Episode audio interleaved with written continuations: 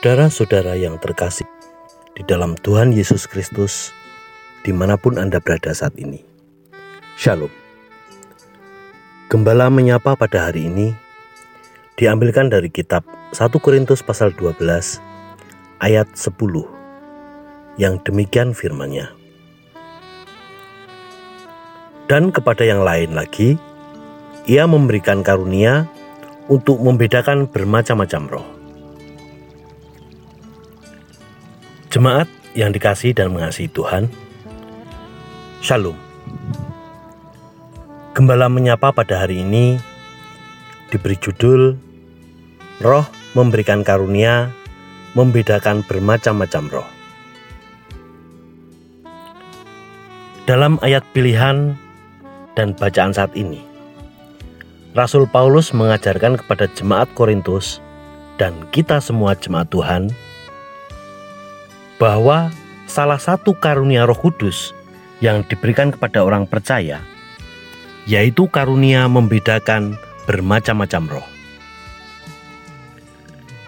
Kalimat dan kepada yang lain lagi.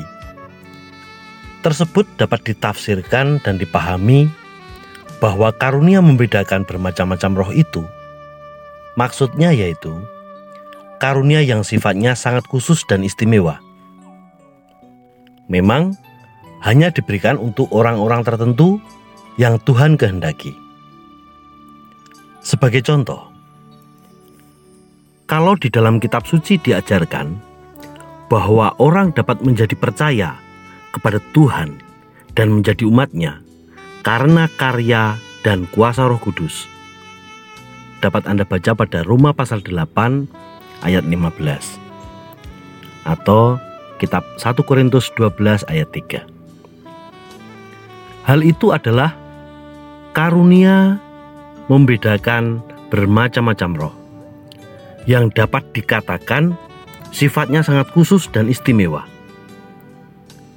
Orang yang percaya kepada Tuhan pasti mengalami proses membedakan bermacam-macam roh dengan pergumulan dalam dirinya terhadap adanya roh-roh atau kuasa yang lain yang menjadi penghalang orang untuk percaya.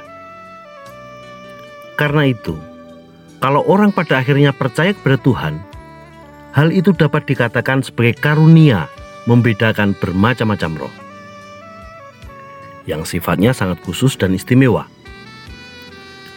Hal yang seperti itu hanya dialami orang tertentu saja, tidak untuk semua orang. Namun demikian, sekalipun disebutkan, dan kepada yang lain lagi, ia memberikan karunia untuk membedakan bermacam-macam roh. Juga dapat dipahami dan ditafsirkan bahwa semua orang percaya diberi karunia untuk membedakan bermacam-macam roh itu. Di dunia ini, manusia menghadapi bermacam-macam roh, kuasa, dan kekuatan. Secara garis besar, dapat dibedakan dua macam, yaitu roh jahat yang bersumber dari iblis dan roh kebaikan yang bersumber dari Tuhan. Membedakan bermacam-macam roh berarti kita harus memilih apa yang harus kita lakukan. Tentu saja yang baik, harus kita lakukan. Dapat Anda baca pada 1 Korintus pasal 6 ayat 19 atau 2 Timotius pasal 1 ayat 7 atau Galatia pasal 5 ayat 22. Sedangkan yang tidak baik harus kita singkirkan.